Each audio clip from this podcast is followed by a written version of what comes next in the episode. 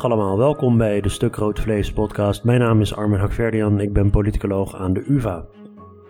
Volg ons via Twitter, het Stuk Rood Vlees. U kunt mij volgen via het Hakverdian of neem een kijkje op www.stukroodvlees.nl. U weet wat ik nu ga zeggen. U kunt zich abonneren op deze podcast via allerlei podcast apps, yada yada yada. Maar laat alsjeblieft een rating of een review achter. Ik waardeer het zeer. De afgelopen weken staan er ook meer stukken op het uh, blog Stuk Rood Vlees. Normaal gesproken zeg ik neem een kijkje op www.stukroodvlees.nl en daar staan ook de achtergronden van deze podcast. Maar er staan nu ook daadwerkelijk uh, best wel veel andere stukken op. Politicologisch interessante stukken. Dus neem vooral een kijkje op uh, stukroodvlees.nl. Deze aflevering staat in het teken van de crisis bij Forum voor Democratie. We kunnen er niet omheen. Um, nou ja, het kan wel, maar dat wilde ik niet. Mijn gasten zijn twee deskundigen op het gebied van um, radicaal rechts en populisme. Allereerst Sarah de Lange, bijzonder hoogleraar politicologie. Zij bekleedt de Den L-leerstoel aan de Universiteit van Amsterdam. Leonie de Jonge is universitair docent in Europese politiek aan de Universiteit van Groningen. U kunt beide volgen via Twitter, SL de Lange en L de Jonge. Veel plezier met Sarah de Lange en Leonie de Jonge.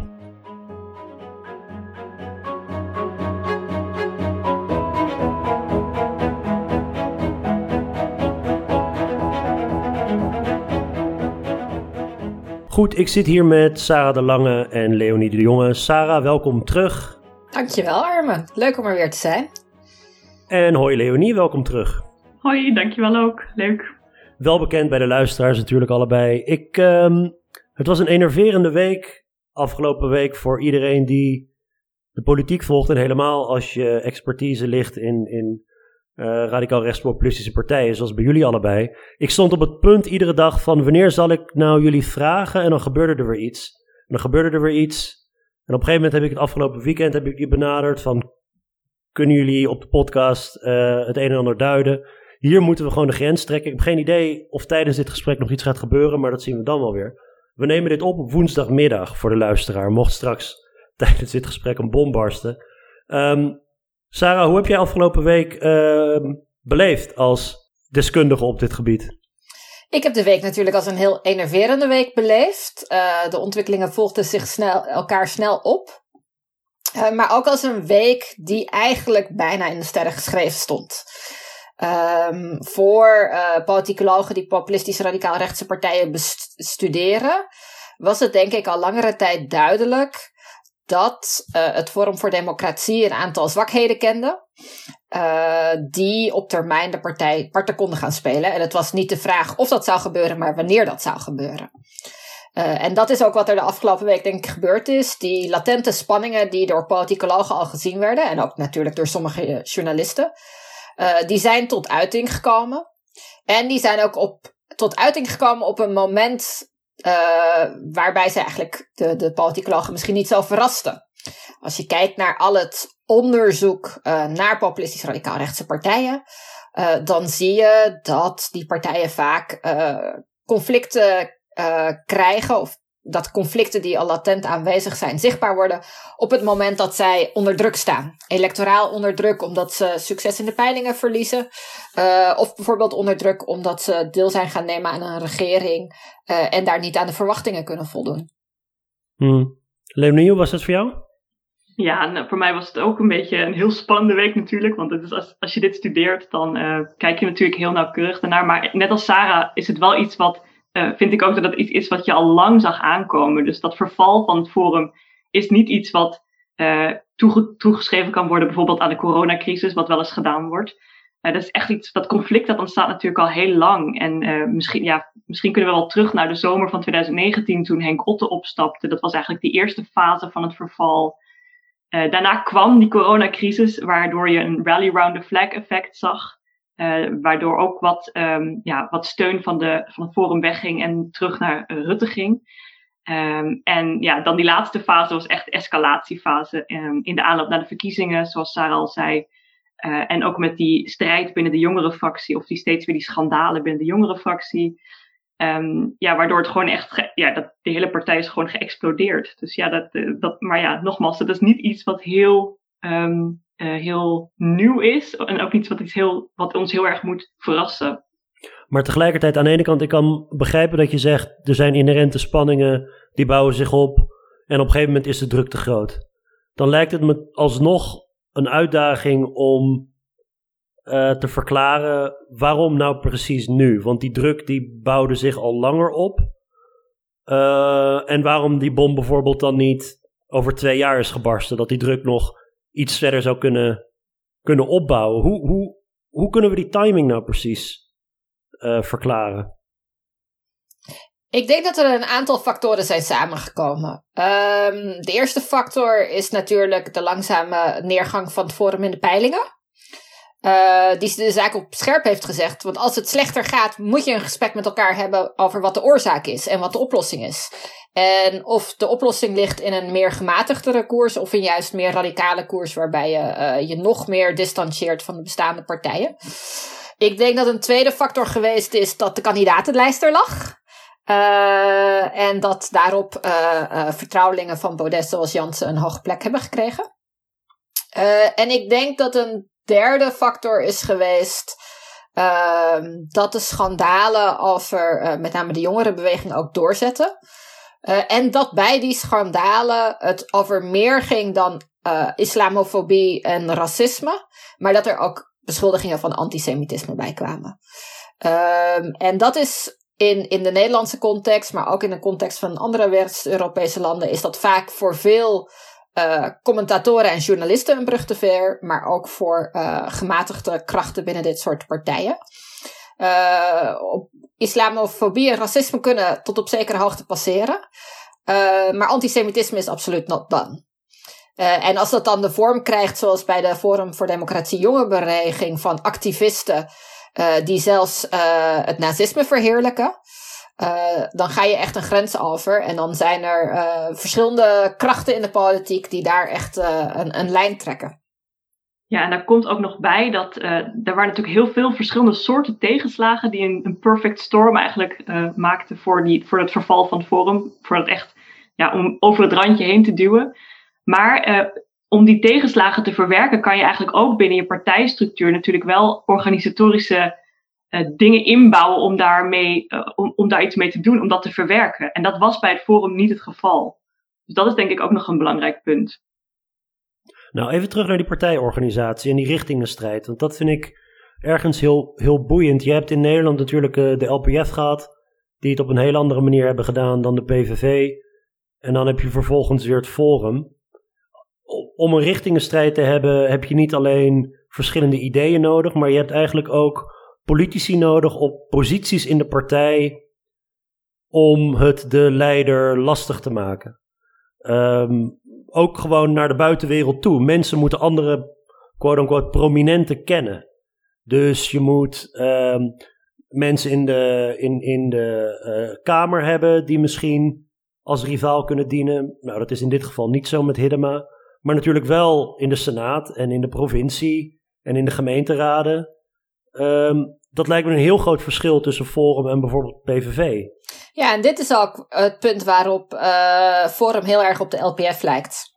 Dus we zagen zowel bij de LPF uh, als bij Forum dat het nieuwe partijen waren die heel kort op elkaar aan een aantal verkiezingen deelnamen. Uh, in de tijd bij LPF waren dat zowel de gemeenteraadsverkiezingen van 2002 als de landelijke verkiezingen. En kort daarop ook nog provinciale statenverkiezingen. en ook bij Forum is dat natuurlijk het geval geweest. 2017 voor de Tweede Kamer, daarna de gemeenteraad en meteen in 2019 ook nog provinciale staten en het Europees Parlement. Bij beide partijen zijn in die periode veel politici verkozen die profiel hadden. En die dus ook een mening hadden over de koers van de partij. En het is natuurlijk heel lastig om die mensen terzijde te schuiven, uh, omdat ze een mandaat van de kiezer hebben. ze hebben een zekere legitimiteit doordat ze verkozen zijn. Uh, en kunnen daarmee ook de, de leider van een populistisch radicaal rechtse partij uitdagen. Zowel op de, de inhoud, de koers die gevaren wordt, maar ook voor het leiderschap zelf. Ja, het is interessant, want zeg maar, die legitimiteit, aan de ene kant ben je inderdaad gekozen als je voor forum op een provinciale lijst stond of een gemeenteraadslijst. Tegelijkertijd zie je met name in de sociale media reacties op de rebellen, om het maar zo te zeggen, dat for what it's worth, deze mensen die reageren, maar ehm, een hoop steunbetuigingen aan Baudet en zeggen van jullie zijn, we hebben niet op jullie gekozen, we hebben op de partij gekozen, we hebben op Baudet gekozen. Dat mandaat dat jullie hebben, dat is eigenlijk niet het echte forum. Wie zijn jullie om, et cetera, et cetera. Nou ja, dat, dat, dat geldt natuurlijk voor een deel van de kandidaten. Die hadden geen naamsbekendheid. En die hebben misschien ook niet wezenlijk bijgedragen aan het succes van de partij. Maar lang niet voor alle uh, vertegenwoordigers. Als we kijken naar iemand als Annabel Nanninga. Uh, dan heeft zij vanaf het begin een belangrijke rol gespeeld in de opbouw van Forum. Uh, en ook in het publieksgezicht van Forum. Het is natuurlijk een van de kandidaten die vaak op partijcongressen en andere evenementen naar voren werd gehaald om de partij te vertegenwoordigen.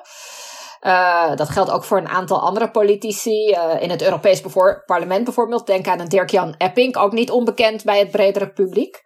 Uh, dus zij kunnen wel degelijk die claim maken. En dat zijn ook vaak kandidaten die een, een redelijk aantal voorkeurstemmen hebben behaald bij de verkiezingen. Dus ik, dat, ik denk dat het te makkelijk is om, om de legitimiteit van die kandidaten terzijde te schuiven. En ik denk ook dat het belangrijk geweest is dat dat type kandidaten uh, zich uitgesproken hebben in dit conflict. Als het alleen backbenchers waren geweest, dan was het misschien niet zo hoog opgelopen. Uh, maar zo'n brief van een Annabel Nanninga uh, speelt denk ik wel een heel belangrijk proces, rol in zo'n proces. Juist omdat zij die positie heeft. Senatoren natuurlijk ook. Nou ja, senatoren zijn natuurlijk een lastig verhaal, omdat zij indirect verkozen zijn door de provinciale statenleden. Uh, maar daar zitten natuurlijk wel ook personen bij die uh, bekend zijn en die door Forum gebruikt zijn uh, in campagnes en dergelijke. Maar wat ook interessant is, is dat bij veel radicaal rechtspopulistische partijen, dat we zien dat een heel sterke leider van belang is bij die partijen. Um, en dat een soort persoonlijke partij rondom die leider dan opgebouwd wordt. Maar wat wel interessant is bij Forum, is dat ze wel bezig waren, met, uh, met name onder Otte, om een, een echte partijstructuur op te bouwen die echt een beetje meer leek op een traditionele massapartij. Dus denk bijvoorbeeld aan de oprichting van ondersteunende organisaties. Um, denk ook aan het vorderen van lokale aanwezigheid, het creëren van een aparte partijcultuur, het werven van leden. Het was ook op een gegeven moment, naar eigen zeggen, dan de grootste ledenpartij. Ja. Dus die groei die kwam echt heel snel.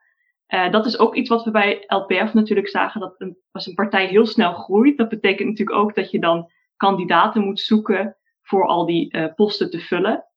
Um, en um, ja, wat, wat dus interessant is, is dat Otte vooral geïnteresseerd was in die partijstructuur opbouwen en dat we dat bij Baudet minder zien. En sinds dat Otte weg is, is die, uh, die focus op hoe bouw je nou echt die partijstructuur op, hoe verander je die partij die gecentraliseerd is rond een leider in een, in een klassieke massapartij, dat dat toen misgelopen is. Hoe is dat in vergelijkend perspectief als je kijkt naar die partijorganisatie? Aan de ene kant zeg maar het, uh, het verhaal van je moet de partij institutionaliseren zodat die eigenlijk duurzamer is dan ieder persoon zelf. En aan de andere kant toch dat dit soort partijen vaak succes te danken hebben aan een charismatische leider, nieuwkomer, wat het ook mogen zijn. De meeste populistisch radicaal-rechtse partijen hebben eigenlijk een klassieke partijorganisatie. Geba gebaseerd op het model van een uh, vereniging.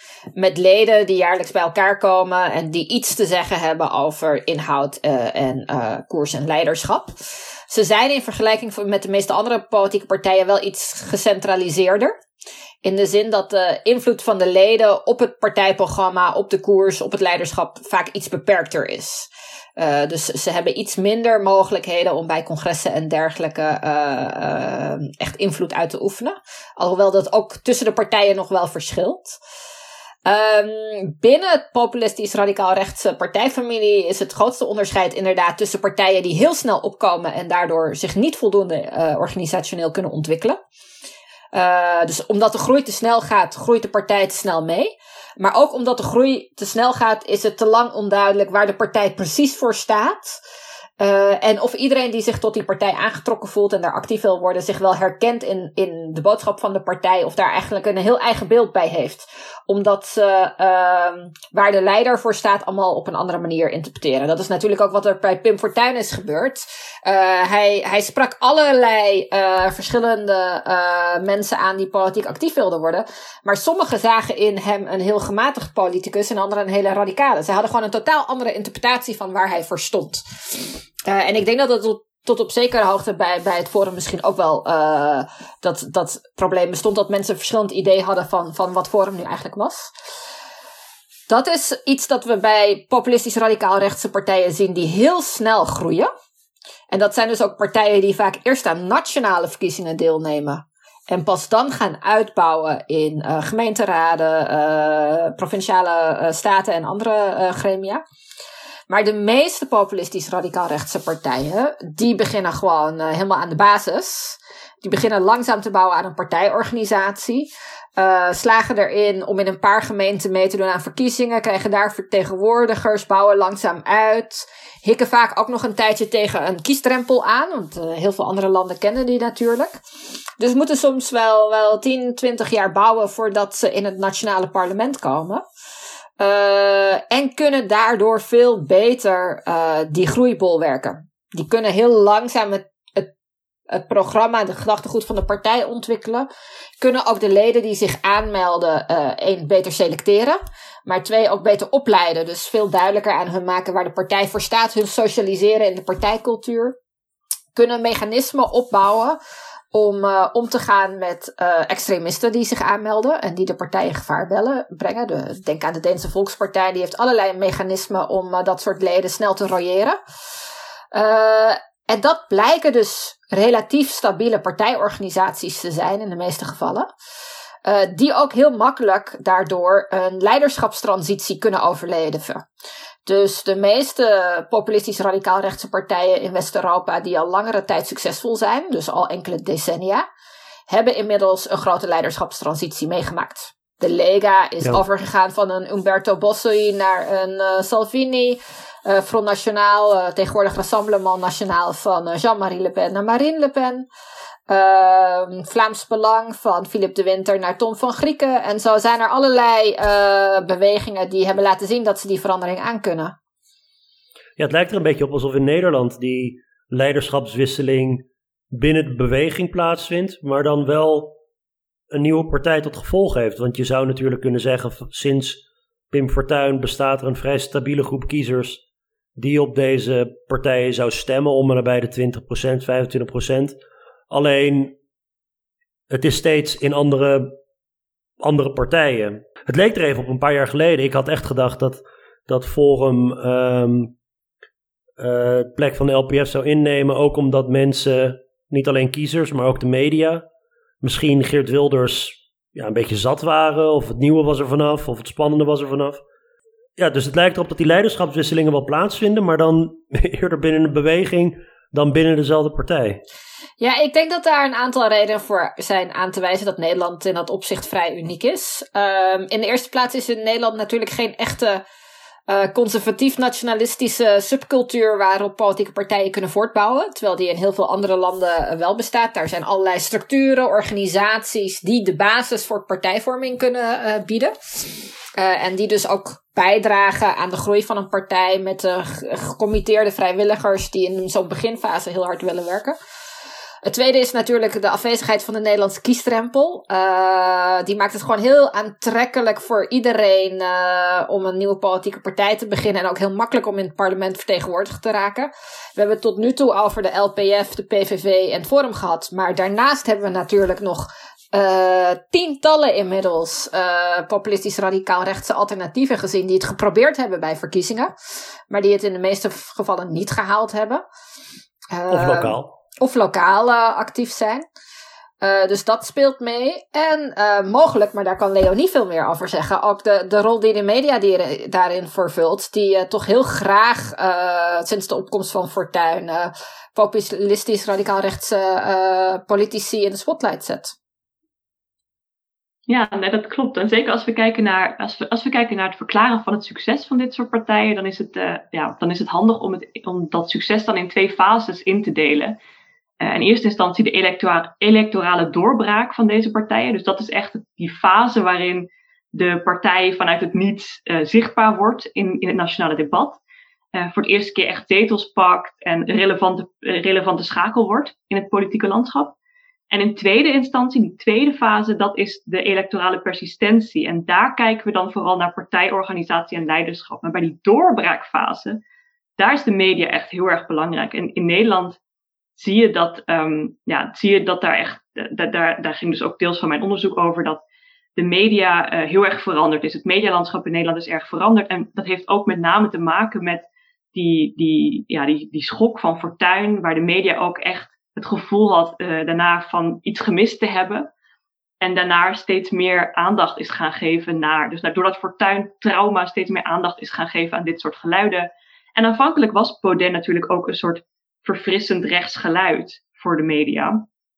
Uh, en pas, uh, ja, pas na, na, na, op, zijn, op zijn laatst, sinds die uh, L van Minerva speech, was wel duidelijk dat het niet zo'n een, een nette gematigde rechtse koers zou innemen, maar echt een, een, ja, een radicaal tot extreem rechtse koers. Ja, dat is interessant, want heel veel geluiden die ik de afgelopen week hoorde waren in de aard van um, nu heeft hij zijn ware gezicht laten zien. Maar als je iets langer meeloopt in het publieke debat in Nederland, dan was Baudet een verschijning in columns en elders ver voor het Oekraïne-referendum. En tot in zijn studententijd, ja, ik heb ook in Leiden gestudeerd, uh, verhalen over leesclubjes en academische weet ik veel wat, waar zijn naam rondzong. Dus je kunt helemaal teruggaan tot, tot eigenlijk zijn studententijd, dat hoeven we niet te doen. Sinds dat hij in de spotlight is verschenen, is hij heel expliciet geweest over dit soort ideeën. Dit is niet iets van de laatste tijd. En dan vind ik het interessant dat um, ook tijdens het Oekraïne-referendum en zeker tijdens de verkiezingen van 2017 hij een graag geziene gast was. En ook, ja, ook bij instanties als Buitenhof en NRC heeft hij gewerkt. Terwijl toen al duidelijk was wat hij dacht. Maar nu is het moment gekomen om te zeggen: ja, het was toch misschien niet zo fris. Die mensen die wisten donders goed wat er aan de hand was.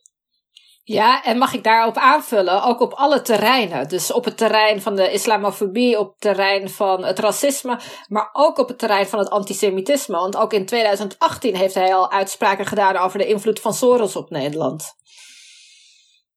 Ja, wat bij hem dus anders ook is dan bij Wilders, is dat Baudet natuurlijk door die academische achtergrond, daar krijgt hij ook een soort legitimiteit van. Daardoor lijkt hij de, de, de gematigde versie van Wilders. Aanvankelijk leek dat zo voor heel veel mensen. Terwijl, dat is net wat jij zegt, Armin, we wisten al heel lang dat, uh, dat dit soort echt radicaal rechtsgedachtegoed bij hem aanwezig is. En het is ook niet zo dat dat echt alleen vanaf de jongerenbeweging kwam, maar dat zit echt aan de partijtop bij Baudet zelf. En wat Baudet dus heel goed doet, en dat is echt vanaf het begin af aan, um, waardoor hij door de media ook zo geliefd is, is dat hij gewoon, um, ja, hij, kan heel goed kan, schandalen creëren. En dat is wat de Oostenrijkse politicoloog Ruth Wodak het rechtspopulistische perpetuum mobile noemt. En dat speelt, dat draaiboekje, dat speelt, dat speelt Baudet heel goed af. Dus hij creëert een soort schandaal.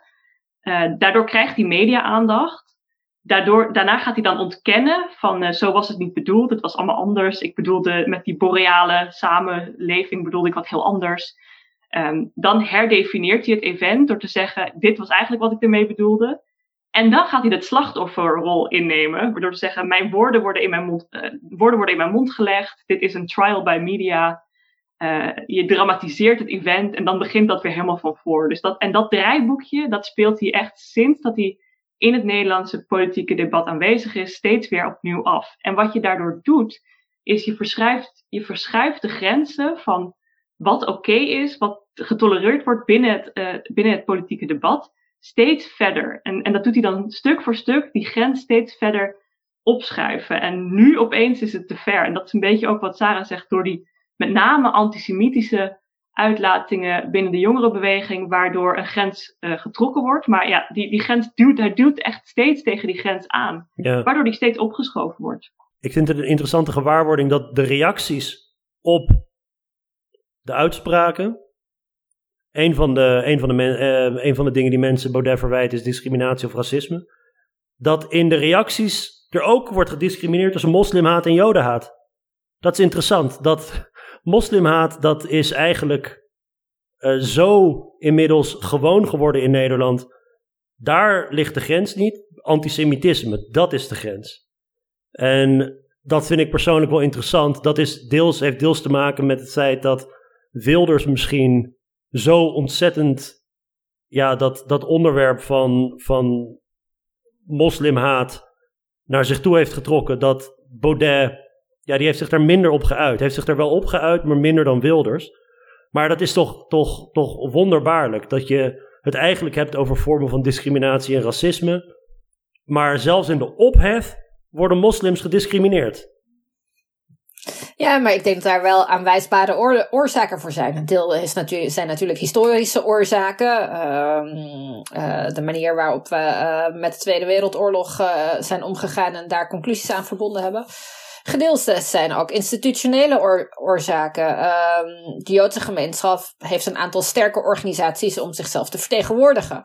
In Nederland is dat voor de moslimgemeenschap minder het geval. Zeker als je dat voor, bijvoorbeeld vergelijkt met een, een België of een Frankrijk, waar veel krachtigere islamitische organisaties zijn, die vaker ook met de overheid bijvoorbeeld aan tafel zitten. Dus ik, ik denk dat daar wel verschillende redenen voor zijn aan te wijzen waarom dat in Nederland op die manier gaat. Ik wil nog even terugkeren op de ideologische richtingenstrijd. Hè. Dus je hebt, je hebt, je hebt eigenlijk iedere partij, wanneer die groeit, krijgt op een gegeven moment te maken met een richtingenstrijd. En dat is voor socialistische partijen niet anders, of dat is voor, ja, dat is voor alle partijen zo. Op een gegeven moment heb je verschillende flanken en je hebt interne discussie. In, in zekere zin is dat heel normaal en gezond. Is het uniek hoe radicaal rechtspopulistische partijen daarmee omgaan? Of is het meer van hetzelfde wat je eigenlijk ziet bij iedere partij die een groeispurt doormaakt? Nou, ik, ik denk dat, er- dat er wel parallellen zijn met de meeste nieuwe politieke partijen. Eh, dat daar vaak eh, richtingenstrijd eh, ontstaat. Zeker als het natuurlijk gaat om partijen op de flanken. Ehm, waar eh, het vraagstuk van gematigdheid en daarmee eh, acceptabel zijn voor andere politieke partijen als partner eh, veel meer speelt dan het centrum van de politieke ruimte. Waar natuurlijk niet dat verschil van inzicht bestaat. Daar bestaan wel inhoudelijke verschillen van inzicht over vraagstukken, maar niet dit, dat, dat heel fundamentele vraagstuk van willen wij meedoen of willen wij niet meedoen. Ehm, ik denk een van de dingen die de situatie eh, anders maakt bij populistisch radicaal rechtse partijen is dat, ehm, dat er zo'n groot electoraat daar zit dat het heel aantrekkelijk is eh, om je af te splitsen en het zelf te proberen. Dus we hebben heel veel, eh, heel vaak gezien bij populistisch radicaal rechtse partijen. eh, dat in de meeste gevallen de gematigde vleugel, maar soms ook de radicale vleugel, het onderspeelt delfde intern, zich afsplitste en het zelf probeerde. Denk bijvoorbeeld aan Oostenrijk eh, met de FPE. Daar is op een gegeven moment Jörg Haider weggegaan. Heeft zijn eigen beweging opgericht, de BZE, en heeft het zelf geprobeerd. Nou, dat hebben we ook gezien in eh, Finland met de ware Finnen. Eh, het Front Nationaal heeft daar in het verleden in de jaren negentig mee te maken gehad met een politicus die heette Bruno Magret. Die ook een gematigd Front Nationaal wilde oprichten. Um, ik denk dat dat relatief vaak gebeurt uh, bij deze partijfamilie, omdat zij dus dat, die fundamentele spanning hebben tussen wel meedoen of niet meedoen, maar ook omdat zij weten dat er gewoon heel veel kiezers beschikbaar daar zijn en dat je het misschien wel haalt als je het probeert. Uh, want we weten gewoon uit al het electorale onderzoek dat er toch een, een tot wel een kwart van de kiezers daar op, in die hoek beschikbaar is.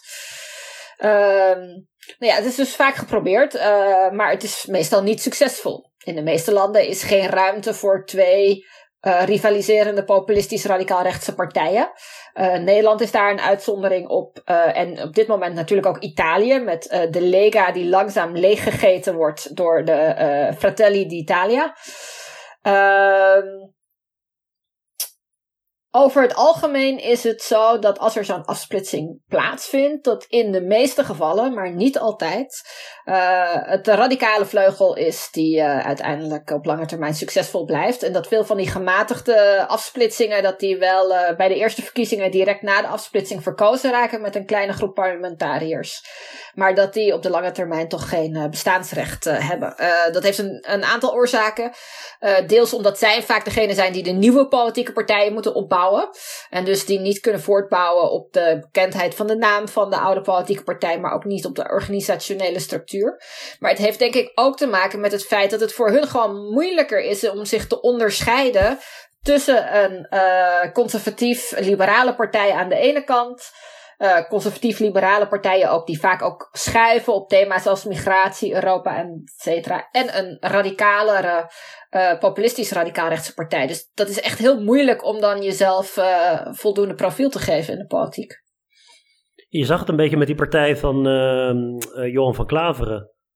Uh, hoe heet die? Ik ben het al vergeten hoe die heet, joh. Uh, ja, uh, Van Klaver en Bontes hebben dat geprobeerd. Bontes. Maar Marco Pastors heeft dat ook geprobeerd. Bijvoorbeeld om een gematigd populistisch radicaal rechts alternatief te zijn. Eertmans heeft dat herhaaldelijk geprobeerd de afgelopen jaren. ja, dat is heel lastig. Ehm, omdat, ja, je, je, je unique selling point, om het maar in ja. commerciële termen te zeggen. Omdat het gewoon heel onduidelijk is. Nou, je weet als je aan de rechterkant van het politieke spectrum een partij gaat opzetten, dat je ook altijd mensen met extreemrechtse standpunten aantrekt. En zeker in, in jonge partijen trek je ook altijd activisten aan. Heb je altijd die actieve achterban. En ik denk dat het ook interessant is om een onderscheid te maken tussen dan die oude partijen die we echt al hebben. Die hebben nog dat, die, die link met het natieverleden. Als je kijkt naar de Front National in Frankrijk, nu het Rassemblement National dat die echt uh, een dediaboliseringsfase uh, aangegaan zijn. Dus die zijn aan het ondemoniseren om, om af te komen van dat stigma, weg te komen van, van dat stigma van toen. Dat zie je ook bij Tom van Grieken in Vlaanderen, die heel erg bezig is met uh, de, de Vlaams Belang te dediaboliseren. En, maar dit zijn dus nieuwe partijen, hele jonge partijen, die een snelle groei doorheen, doorgaan. En ja, dan trek je natuurlijk heel veel verschillende soorten mensen aan en, en, en leden aan en, en kiezers aan. En dan kan je dus doen wat Wilders doet, model Wilders. Dat is dus extreme centralisering van de macht, waar je die ruzietjes dan allemaal voorkomt en uh, echt de hele partij rond één persoon organiseert. Maar als je dat niet doet, ja, dan, dan loop je natuurlijk risico dat er dan interne botsingen komen. En dat kan je voorkomen, oftewel door de statuten, dus door geïnstitutionaliseerde checks en balances in te voeren, of door screening bij, van kandidaten, maar ook van leden. In Luxemburg is dat bijvoorbeeld de we hebben één partij aan de rechtse, rechtse zijde van het politieke spectrum. En die weten dat ze ook vaak mensen met extreem rechtsgedachtegoed aantrekken. En wat zij doen is dus ieder lid wat zich aanmeldt gaan screenen. Omdat ze echt willen voorkomen om weer van die extreemrechtse leden aan te trekken. Maar het probleem bij Forum is dat dat in de partijtop zelf zit. Dus dat is natuurlijk denk ik een belangrijk verschil. Ja, je had het net over um, uh, dus zeg maar, de rol van de media wil ik graag nog even op terugkeren. Want we hadden het net over uh, uh, Baudet die overal mocht aanschuiven en eigenlijk werd gezien als polemisch, provocatief. Er werden allerlei eufemismes gebruikt door, door mainstream journalisten ook om, om, om hem overal maar uit te nodigen en zijn, en zijn zegje te laten doen. Cas Mudde, jullie wel bekend, die heeft een stuk geschreven dat dat eigenlijk een enorm privilege is van iemand als Baudet. Hoogopgeleid, wit, man, jong, eigenlijk quote-unquote een van ons als het gaat om, om, om elites. Um, en dat hij eigenlijk kan wegkomen met dit soort uitspraken, omdat ach, uh, hij, hij polariseert maar een beetje. Of hij, hij, hij, dat, dat ben En dat uh, iemand als Wilders, die veel meer een volks, laten we zeggen, imago heeft, dat die veel harder wordt aangepakt. Uh, is denk ik, als ik Cas mag, uh, mag samenvatten op die manier.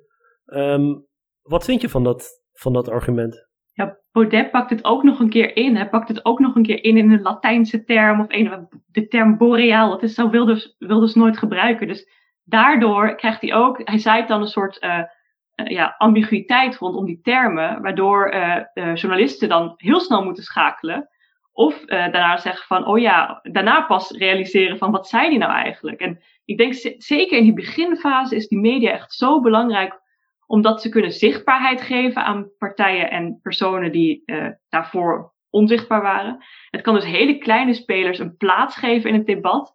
En wat media dus ook daarmee doet, is uh, een legitimiteit geven. Dus media kan ook legitimeren. We hebben het nog niet gehad over sociale media, want maar daar was het forum natuurlijk ook heel actief. Maar uh, de gevestigde media, of de, de traditionele media, speelt vooral een heel belangrijke rol ook door ja, een stempel van legitimiteit te geven. Als je, als je mag aanschuiven in zo'n debat, nou ja, dan, krijg je ook meteen een, een stempel van, uh, nou, dit is legitiem. Over dat legitimeren gesproken, hè? Want, want de media kan legitimeren, maar mainstream rechts kan ook legitimeren of juist delegitimeren. In het geval van, het, uh, uh, van, van onze twee grote mainstream rechtse partijen, CDA en VVD, die hebben allebei in het verleden samengewerkt met ehm, zowel LPF of PVV in termen van regeringssamenwerking. Uh, de ene een, een, een, normale coalitie, de andere een uh, gedoogconstructie. Natuurlijk op, op provinciaal niveau werken CDA en VVD samen. Ook nog steeds met Forum. Ik dacht in Brabant, dat is de enige provincie waar ze mee zit in het bestuur. En dat gaat volgens mij door. Ondanks het feit dat er allerlei afsplitsingen in het Forum zelf zijn. Zijn VVD en CDA gaan in, in ieder geval nog door met, met deze romp die uh, Baudet uh, trouw is gebleven. Hoe zit het met die, ja, die zogenaamde normalisering vanuit niet de media, maar, maar mainstream rechtse partijen? Nou, ik, ik denk dat het Forum in dat opzicht een uh, interessante casus is. Want uh, we hebben natuurlijk uit het onderzoek de afgelopen decennia gezien dat uh, gevestigde partijen ehm, deels legitimeren door light versies van standpunten over te nemen, door op te schrijven inhoudelijk. Uh, nou ja, dat proces is in Nederland natuurlijk al heel lang aan, aan de gang. En, en we zien niet dat dat proces duidelijk versneld is of is toegenomen volgens mij sinds de opkomst van Forum. Het is een proces onder electorale druk uh, schuiven Onder het gevolg van electorale druk. Uh, dat zagen we bij de PVV al heel sterk. Dat zagen we in de tijd bij de LPF ook. En dat is, dat is een proces dat zich gewoon heeft doorgezet. En dat, um, dat wat, wat mij betreft, dat is mijn inschatting, maar daar is geen onderzoek naar gedaan. Onder de invloed van Forum niet uh, heel erg versterkt is, denk ik. Um, we zien natuurlijk wel dat in termen van, van hoe ga je op een dagelijkse basis om met zo'n beweging uh, als Forum. De houding ten opzichte van het Forum, zeker in de Tweede Kamer, ook wel anders is geweest dan die uh, ten opzichte van Wilders. En dat heeft natuurlijk ook heel erg te maken gehad met hoe die twee bewegingen zich daar hebben opgesteld. Uh, Geert Wilders heeft al heel snel besloten met zijn PVV om het Kamerwerk serieus te nemen uh, actief mee te draaien op allerlei dossiers, in uh, onderzoekscommissies in de Kamer, goede verstandhoudingen met Kamerleden op te bouwen. En dat zie je nu ook terug. Er wordt vaak samengewerkt op moties, uh, amendementen en dat soort zaken. Um, terwijl Forum daar geen enkele interesse in had. En een hele confrontationele koers voer uh, in de Tweede Kamer. Dat heeft Wilders op bepaalde momenten ook wel een beetje gedaan. Hij is ooit eens weggelopen uit de Kamer. Uh, maar daaronder zat wel ook een, een lijn van samenwerking. Um, dus Simpelweg in, aanwezig zijn. Dat is iets dat. Dat is uh, een uh, goed begin. um, en dat heeft denk ik ook wel gemaakt dat um, de partijen in de Kamer zich ook discursief vijandiger ten opzichte van uh, het Forum soms hebben opgesteld. Uh, als hij aanwezig was, is Baudet, Baudet vaak zwaar bekritiseerd in de Kamer. Uh, dus ik zie, ik zie op dat terrein zie ik uh, niet dat de gevestigde partijen nou een hele grote rol gespeeld hebben in die, die legitimering. Uh, die kwam in dit geval denk ik uiteindelijk meer van de media. Ik denk wel dat de gevestigde partijen op dit punt een belangrijk signaal ook gemist hebben. Het feit dat het Forum eigenlijk uh, niet of nauwelijks interesse had in samenwerking. Uh, na de verkiezingen van uh, de provinciale staten in 2019. Er is natuurlijk in heel veel provincies is er onderhandeld. Uh, en heeft Forum dusdanige eisen gesteld dat zij zichzelf vr vrijwel meteen buitenspel hebben gezet. Ik denk dat dat een teken aan de wand had moeten zijn dat die radicalere koers, die minder geïnteresseerd is in samenwerking om beleidsverandering te bereiken, dat die, dat die dominant was.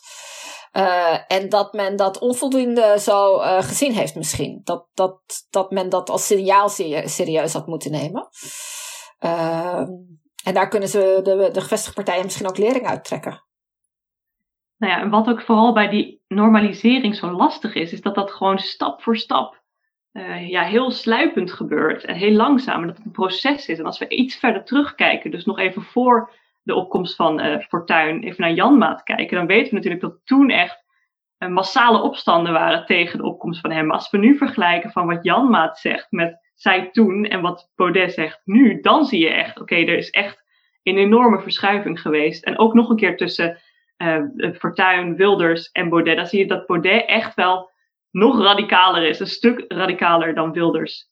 Dus dan denk ik dat als je het in dat lange proces ziet, dan zie je pas echt hoe die normalisering uh, plaatsgevonden heeft. En omdat het zo'n langzaam stapwijs proces is, is het moeilijk inderdaad om te zien tussen, tussen de tijd van Wilders en de tijd van Baudet, dat daar ook nog een keer verder naar rechts geschoven is. Het was misschien ook wel in sommige opzichten uitdagender uh, met Baudet. Uh, om dat proces goed te doorzien. Kijk, bij Wilders was het toch een beetje what you see is what you get. Uh, hij deed inhoudelijke uitspraken waarvan heel duidelijk was waar, hoe die begrepen moesten worden. Uh, terwijl Baudet natuurlijk ook vaak gebruik heeft gemaakt van, van wat dan uh, door politicologen en andere wetenschappers dogwhistles uh, genoemd worden. Waarvan je moet begrijpen wat de betekenis van een begrip of een uitspraak is in de context van een subcultuur die ontstaan is uh, op het internet bijvoorbeeld. Uh, en waar je dus een goed gevoel moet hebben voor het gebruik van vocabulaire, maar ook het gebruik van beeldtaal en dergelijke. Um, en ik denk ook dat dat iets is waarin niet alle journalisten, maar ook niet alle politici al heel bekwaam waren op het moment dat Baudet opkwam. Ja, Leonie, jij zei net uh, de-diaboliseren als, uh, als, als mooie term. Um, het is interessant, aan de ene kant heb je dat normaliseren, dat proces van eigenlijk de, de, hele extreme uitspraken die iemand doet, um, ja, min of meer niet per se omarmen, maar er op zo'n manier mee omgaan dat ze gemeengoed worden.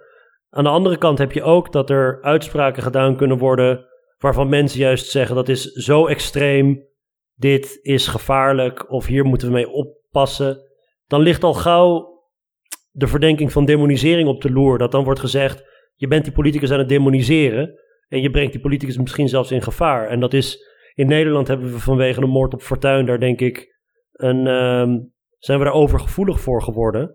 Maar het is wel interessant dat Joost Eertmans in het verleden heeft gezegd, de manier waarop Baudet wordt bejegend is demonisering. En afgelopen week was hij natuurlijk ook eigenlijk bezig met datzelfde soort benoemen dat mensen al langer doen, maar hij is blijkbaar nu overstag. Het is heel lastig om te zeggen waar nou, wat is nou precies het nut van een woord of een term als demonisering? Want het is voor de een is het het benoemen van wat iemand zegt, en voor ander is het het overdrijven en het in het gevaar brengen van, van diezelfde persoon. Ja, dat is ook denk ik echt heel strategisch gebruik daarvan natuurlijk. Want uh, de rechtspopulisten zelf zijn, gaan altijd meteen het slachtoffer, de slachtofferrol in en kruipen daar meteen in en zeggen: Kijk, nu zie je wel dat wij de underdog zijn. We worden altijd verkeerd begrepen. Uh, jullie proberen ons alleen maar zwart te maken. In de, de media is altijd tegen ons. Um, en ik denk ja, dat dat een heel belangrijk punt is. Dat het ook strategie kan zijn natuurlijk. Om te zeggen, kijk, dat, kijk nu heb, daar heb je het wel. Dat, uh, we worden alleen maar gedemoniseerd in de media. Maar het is natuurlijk wel een super moeilijk vraagstuk van ja, hoe uh, ga je ermee om? En het, het, is, het is natuurlijk niet zo zwart-wit dat je maar twee keuzes hebt. Dat je of kan ontmaskeren of kan uh, demoniseren. Er zit ook nog wel heel veel tussen. En ik denk dat we met z'n allen echt moeten nadenken over ja, alternatieve vormen van berichtgeving. Waar uh, niet zozeer ingegaan wordt op die schandaleuze of die, die, ja, die, die schandalige incidenten. Maar meer echt gaan deconstrueren, commentariëren en daardoor ja, na tijd ontmaskeren. Echt meer gaan kijken naar de achtergrond hiervan. Uh, in plaats, en dat is natuurlijk heel lastig, zeker als je in een zo'n 24 uur nieuwscycle zit, waar als jij als media het niet oppakt, dan pakt iemand anders het wel op. Dus uh, dat is ook iets wat, ja, Wilders die stuurt ook steeds weer tweets uit, waardoor de media dan weer moet zeggen, wat gaan we met die tweet doen? Gaan we er iets mee doen? En als wij het niet doen, doet een andere nieuwsplatform dat wel. Dus ja, dat, dat is natuurlijk, het is natuurlijk heel lastig. En het is niet alsof daar eenvoudige antwoorden op zijn. Nou ja, en het, het wordt nog veel lastiger doordat de scheidslijn tussen wat populistisch radicaal rechts is, dus bewegingen die zich wel kritisch opstellen ten opzichte van een liberale democratie, maar niet fundamenteel antidemocratisch zijn, en extreemrechtse uh, politieke bewegingen, die wel antidemocratisch zijn, steeds verder uh, vervaagt. Ik heb ooit een proefschrift uh, begeleid van uh, van Heerde. Dat ging over demonisering. En zij definieerde dat in der tijd uh, als het vergelijken van politici met wat het absolute kwaad is. namelijk verwijzingen naar de Tweede Wereldoorlog in de breedste zin. Maar inmiddels hebben we natuurlijk soms te maken met politieke bewegingen die zelf naar die, die Tweede Wereldoorlog verwijzen in positieve zin. dus dat, dan, dan kom je wel in een hele complexe situatie. En dan, dan wordt het ook heel moeilijk nog om politieke bewegingen te, te klassificeren. Ehm, we zijn er altijd van uitgegaan dat, uh, dat het heel makkelijk was om een onderscheid te maken tussen populistische radicaalrechtse bewegingen en extreemrechtse bewegingen. Omdat het uiteindelijk het onderscheidende criteria was of je wel of geen politiek ge geweld legitimeerde of niet. Um, maar ja, dat, dat, dat blijkt een heel grijs gebied te zijn, nu we eindelijk op een punt zijn waar die scheidslijn steeds verder vervaagt. Uh, dat is een consequentie van die normalisering, dat die, dat die scheidslijnen steeds uh, ja, onduidelijker zijn geworden. En we zitten natuurlijk ook wel, het, uh, de, de term extreem rechts is dusdanig beladen, ook historisch dusdanig beladen, uh, dat zowel commentatoren als wetenschappers heel voorzichtig zijn met die plakken op politieke partijen die uh, electoraal verkozen zijn. Maar langzaam ontstaan er wel politieke partijen die, die eigenlijk dat label uh, verdienen. We hebben dat bijvoorbeeld gezien in Griekenland met de Gouden Dageraad. Uh, en, en, er zijn ook wel andere voorbeelden die, uh, die langzaam opduiken. Uh, in Denemarken heeft er een politieke partij deelgenomen aan de verkiezingen die echt stram koers, die echt als extreemrechts gezien kan worden. Dus wij moeten als politicologen ook opnieuw herdenk, doordenken hoe wij met het onderscheid omgaan en hoe functioneel dat is. En of wij deze twee type politieke bewegingen wel los van elkaar moeten bestuderen, of dat we ze soms ook samen moeten bestuderen om meer te kijken naar de overeenkomsten dan de verschillen. Ik wilde tot slot, het is verleidelijk om te praten over Forum eigenlijk al in de verleden tijd. De eerste kiezersonderzoeken die er zijn gedaan lijken wel te duiden op een electorale, uh, electoraal verlies, ook sinds deze schandalen zijn uitgebroken. Dat is ook niet heel gek, want het is bij veel partijen zo. Uh, Geert Wilders die lijkt, uh, lijkt wat kiezers terug te krijgen die bij hem waren weggelopen voor Forum. Maar um, we hebben straks in maart natuurlijk verkiezingen. En zoals Sarah net al zei, die voedingsbodem aan de kant van de kiezer, is er genoeg vraag naar soortgelijke partijen. Het is nog niet uitgespeeld met het Forum. De kans is best aanwezig dat ze nog uh, stabiliseren en misschien um, weer wat van die verloren kiezers terugwinnen straks als die campagne weer losbarst. Ja, politicologen zijn heel slecht met in de toekomst kijken. En zeker als het gaat om uh, zo'n situatie als nu, waar iedere dag weer wat nieuws gebeurt.